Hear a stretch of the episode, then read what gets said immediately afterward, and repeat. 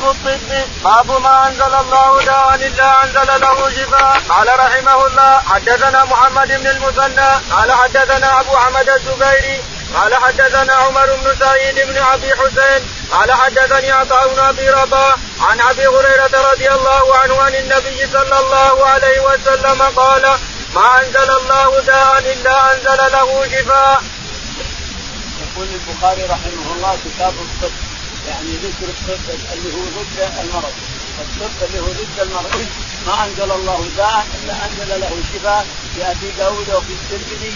فيهم أمراض لا ليست بافهام ولا لا يعرفونها أمراض ما يعرفونها الناس مثل المرض هذا هذا شبه وهذا كذا وهذا كذا وهذا كذا. لا يعرفونها. الناس أول يعرفون الأمراض اللي تأتيهم. لكن يأتي على الناس زمان تأتيهم أمراض لا يعرفونها. ليست في ابائهم ولا في اجدادهم ليش؟ لأنهم يحدثون معاصي جديدة ويحدث الله لهم امراضا جديدة. نعم.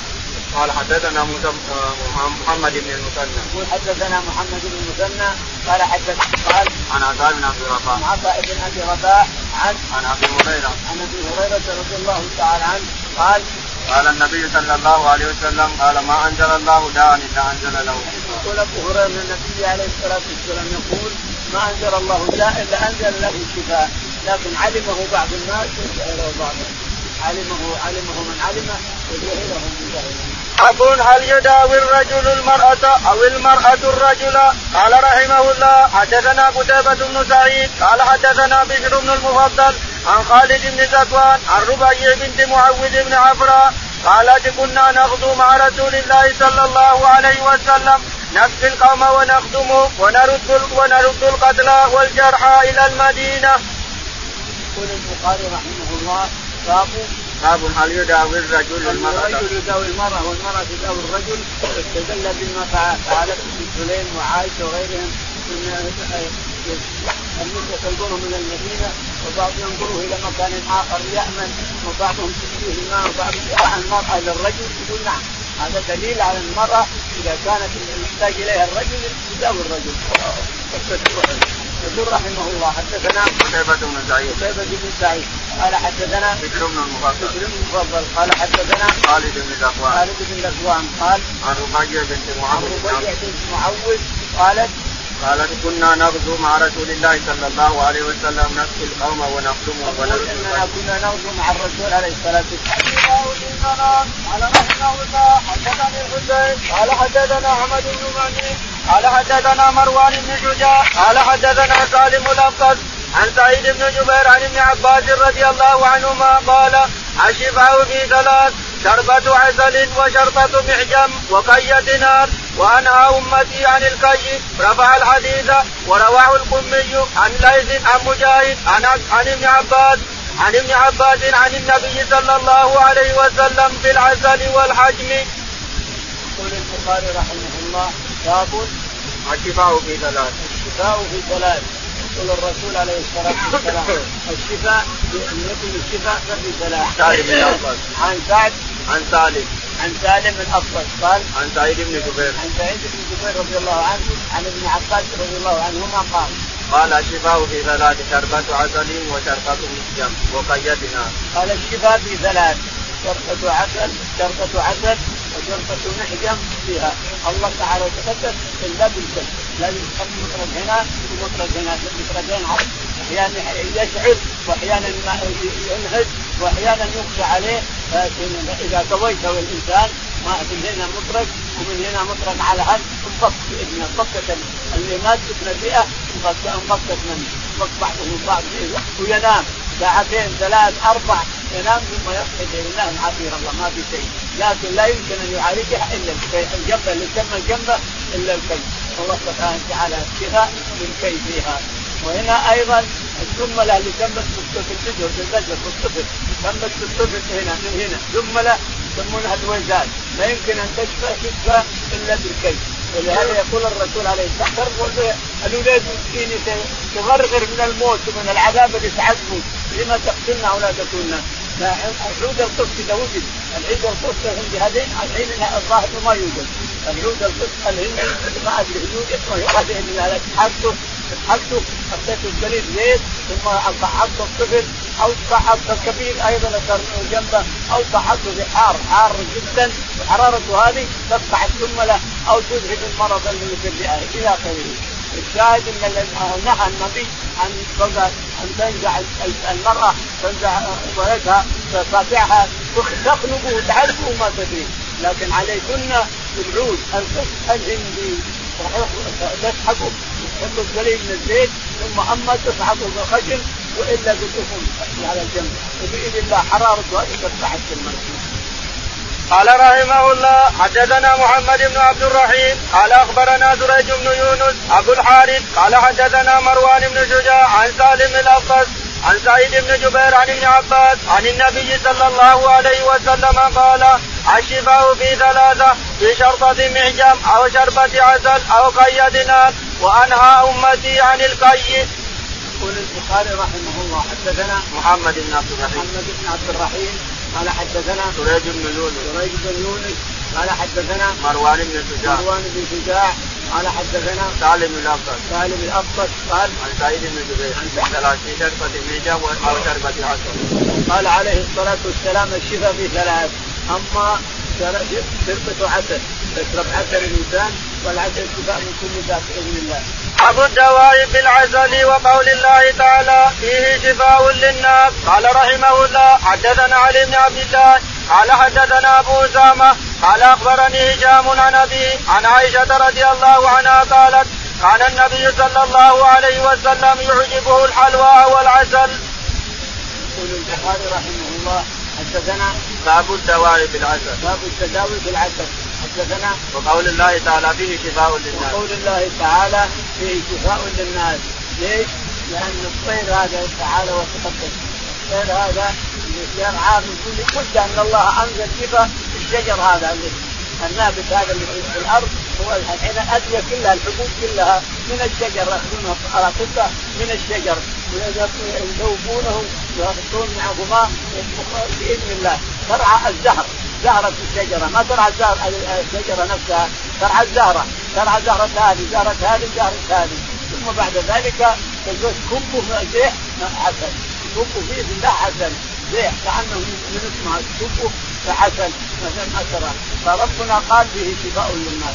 فالعسل فيه شفاء لأجل أن الطير علي بن عبد الله. يقول حدثنا علي بن عبد الله المديني. قال أبو أسامة. قال حدثنا أبو إسامة قال عن هشام بن عروة. عن هشام بن عروة قال عن أبيه.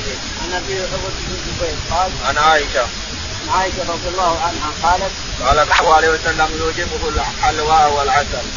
قالت عائشة رضي الله تعالى عنها أن النبي عليه الصلاة والسلام يعجبه الحلوى والعسل. رحمه الله. حدثنا أبو نعيم. قال حدثنا عبد الرحمن بن الغزيل عن عازم بن عمر بن قتادة قال سمعت جابر بن عبد الله رضي الله عنهما قال سمعت النبي صلى الله عليه وسلم يقول إن كان في شيء من أدويتكم أو يكون في شيء من أدويتكم خير ففي شربة محجم أو شربة عسل أو لذعة بنار توافق توافق الداء توافق الداء وما أحب أن افتوي. يقول البخاري رحمه الله حدثنا أبو نعيم أبو نعيم قال حدثنا عبد الرحمن بن الغسيل عبد الرحمن بن الغسيل قال حدثنا عن عبد الله تعالى عنه أن النبي عليه الصلاة والسلام قال الاسم قدامك تذهب يروح يروح الملل هذا القدم.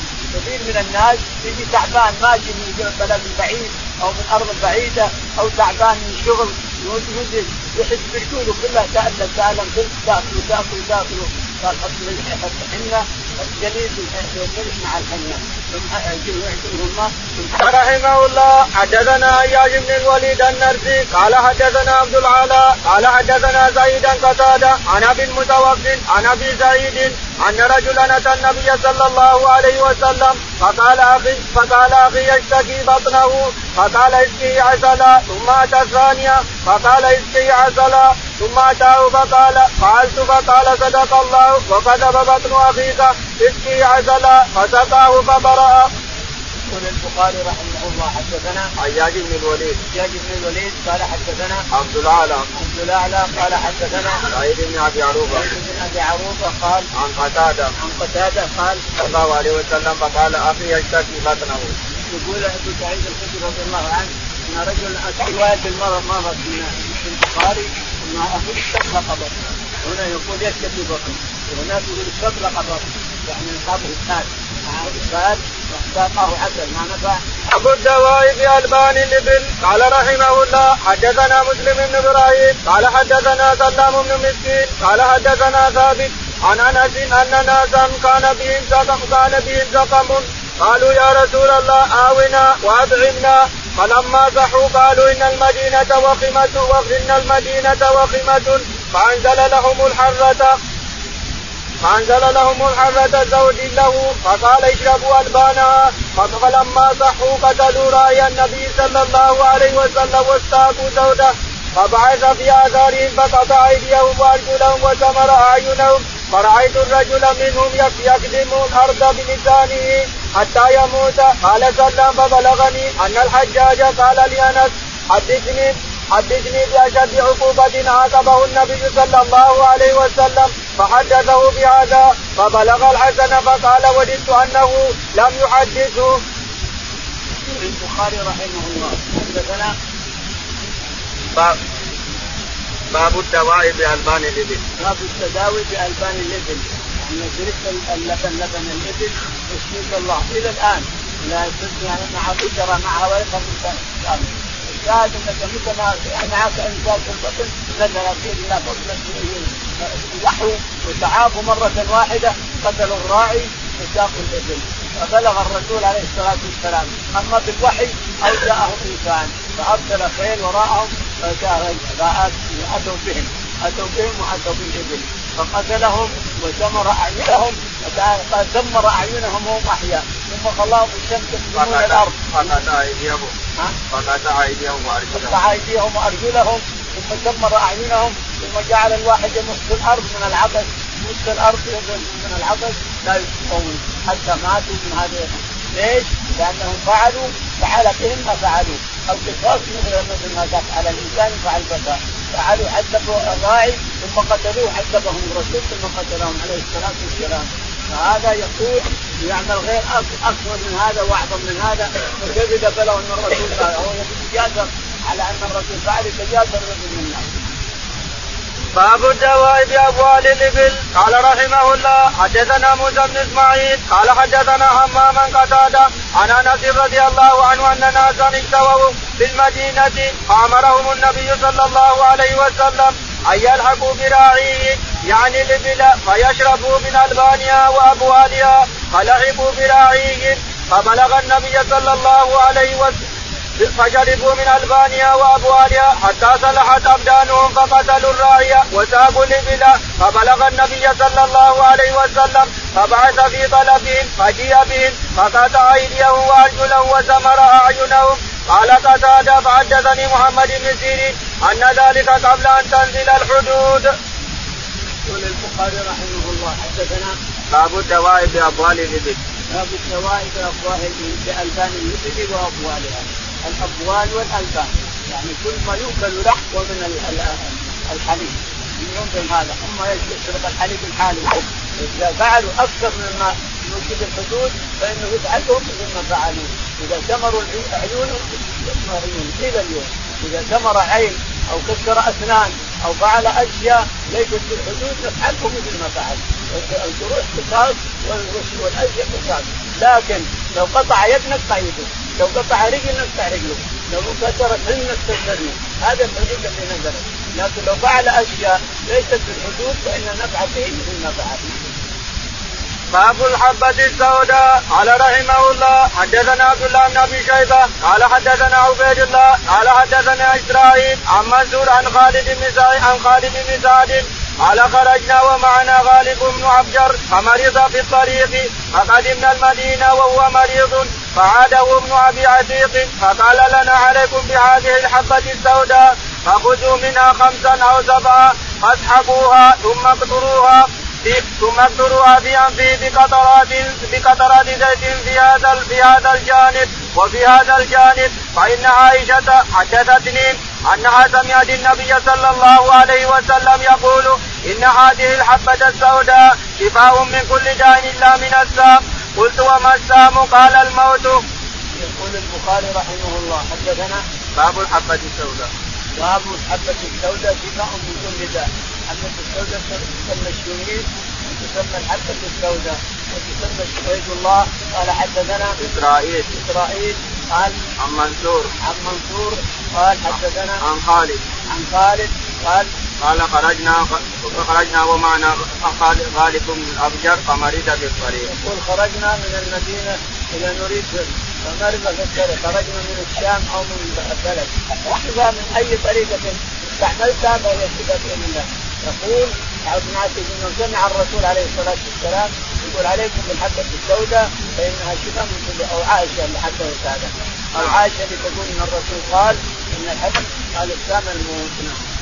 قال رحمه الله حدثنا يحيى بن بكير قال حدثنا الليث عن عقيل عن ابن شهاب قال أخبرني أبو سلمة وسعيد بن المسيب أن أبا هريرة أخبرهما أنه سمع رسول الله صلى الله عليه وسلم يقول في الحبة السوداء شفاء من كل داء إلا السام قال ابن شهاب والسام الموت والحبة السوداء الشونيز. يقول البخاري رحمه الله حدثنا يحيى بن بكير. يحيى بن بكير قال حدثنا الليث. الليث قال حدثنا عقيل عقيل قال عن ابن شهاب. عن ابن شهاب الزهري قال عن أبي سلمة وسعيد بن سلمة وسعيد قال حب التلبينة للمريض قال رحمه الله حدثنا حبان بن موسى قال أخبرنا عبد الله قال أخبرنا يونس بن يزيد عن عقيل عن ابن شهاب عن عروة عن عائشة رضي الله عنها انها كانت تامر بالتلبين للمريض وللمحزون على الهالك وكانت تقول إني سمعت رسول الله صلى الله عليه وسلم يقول إن التلبينة تجم فؤاد المريض. فؤاد المريض وتذهب ببعد الحق بعد الحزن. يقول البخاري رحمه الله باب التلبينة التلبينة دقيق ملعقة رحمه الله حدثنا فروة بن أبي المغرى قال حدثنا علي بن مسعد عن هشام عن ابي عن عائشة أنها كانت تأمر بالتلبينة وتقول هو هو البغيض النافع. يقول البخاري رحمه الله حدثنا فروة بن أبي المغرى بن أبي المغرى قال حدثنا علي بن مسعد علي بن مسعد مو بالتلبينة لكن التلبينة أيضا يبغضها مثل ما يبغض الطعام. يقول التلبينة هي المبغوضة لكن هي النافعة. لكنها نافعة واللي يبغضها المريض لكنها نافعة له فالأفضل أنه يغصب عليها أو يحلوى له أو يكلمون الكلام اللطيف لها حتى إذا أخذ منها فإنها تكون من فؤاد بإذن الله. وإن كان يبغضها المريض كما يبغض الطعام كله. باب السعود قال رحمه الله حدثنا معلم بن قال حدثنا وهيب عن ابن طاووس عن أبي عن ابن عن ابن عباس رضي الله عنهما عن النبي صلى الله عليه وسلم. اهتجم واعطى الحجام أجره واستحق. يقول البخاري رحمه الله باب باب السعود. السعود. حدثنا معلم بن اسد معلم بن اسد قال حدثنا وهيب بن خالد. وهيب بن خالد.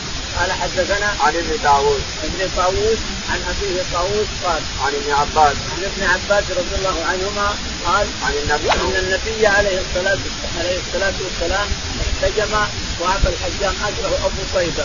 يحاجمه أبو طيبة. عنه يكون ضريبه يرسلونه يشتغل يعمل ثم يعطيه ضريبه كل شهر ثم كان 20 درهم أو كذا منه. قال خففوا الضريبه خلوا فلوسه له يخوذوا منه ضريبه 10 دراهم له 10 دراهم. خففوا ضريبته فخففوا ضريبته وصار يحتاجون الناس.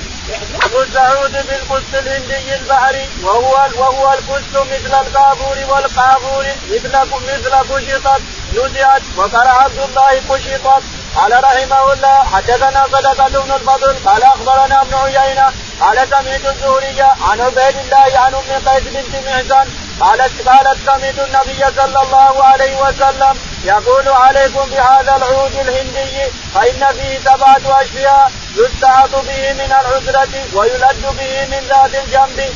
ودخلت على النبي صلى الله عليه وسلم بإذن لي لم لم يأكل الطعام فبال عليه فدعا بماء فرش عليه. يقول البخاري رحمه الله باب باب السعود بالقسط الهندي. باب السعود بالقسط الهندي بالجود القسط الهندي لكن ما يوجد الظاهر ما يوجد اليوم في الهند الا ما القسط الهندي الاصلي هل يوجد ما شكل الحطاره يقول له هذا العود القسط هو العود القسط العود القسط أكثر حار بين طبيعته الحراره برا حراره يتبع السمله من حرارته اعطيت البدر فحط البدر وهو في سمه في العذره باذن الله يروح الوزات هذه صارت في الطفل سحبته مع خشمه أو مع تراث من بين الأسنان هنا وصلت إلى السمنه في بعثها من حرارتها حار جدا حار. كذلك الجنبة. الجنبة هنا تمسك الرئه ما ما تروح على القلب لكن لما صعبتها الإنسان. أما بين الأسنان من جنب الجنب في الحال تخشى من حرارة الجلود القصة الهندي حار مرة وجيد للشفاء يقول البخاري حدثنا عبد الله يقول وقرا عبد الله يقول نعم قال حدثنا طلبة بن فضل. كثير من الاطباء أو من العلماء أن الولد خلق من التراب والمرأة خلقت من اللحم. اللحم لازم يحصل غسل والتراب يحصل الرجل الله أعلم بهذا التعليم. أي ساعة يعتجم؟ واعتجم أبو موسى ليلى. قال رحمه الله حدثنا أبو معمر. قال حدثنا عبد الوارث. قال حدثنا أيوب عن اكرم عن ابن عباس. قال اهتجم النبي صلى الله عليه وسلم وهو صائم.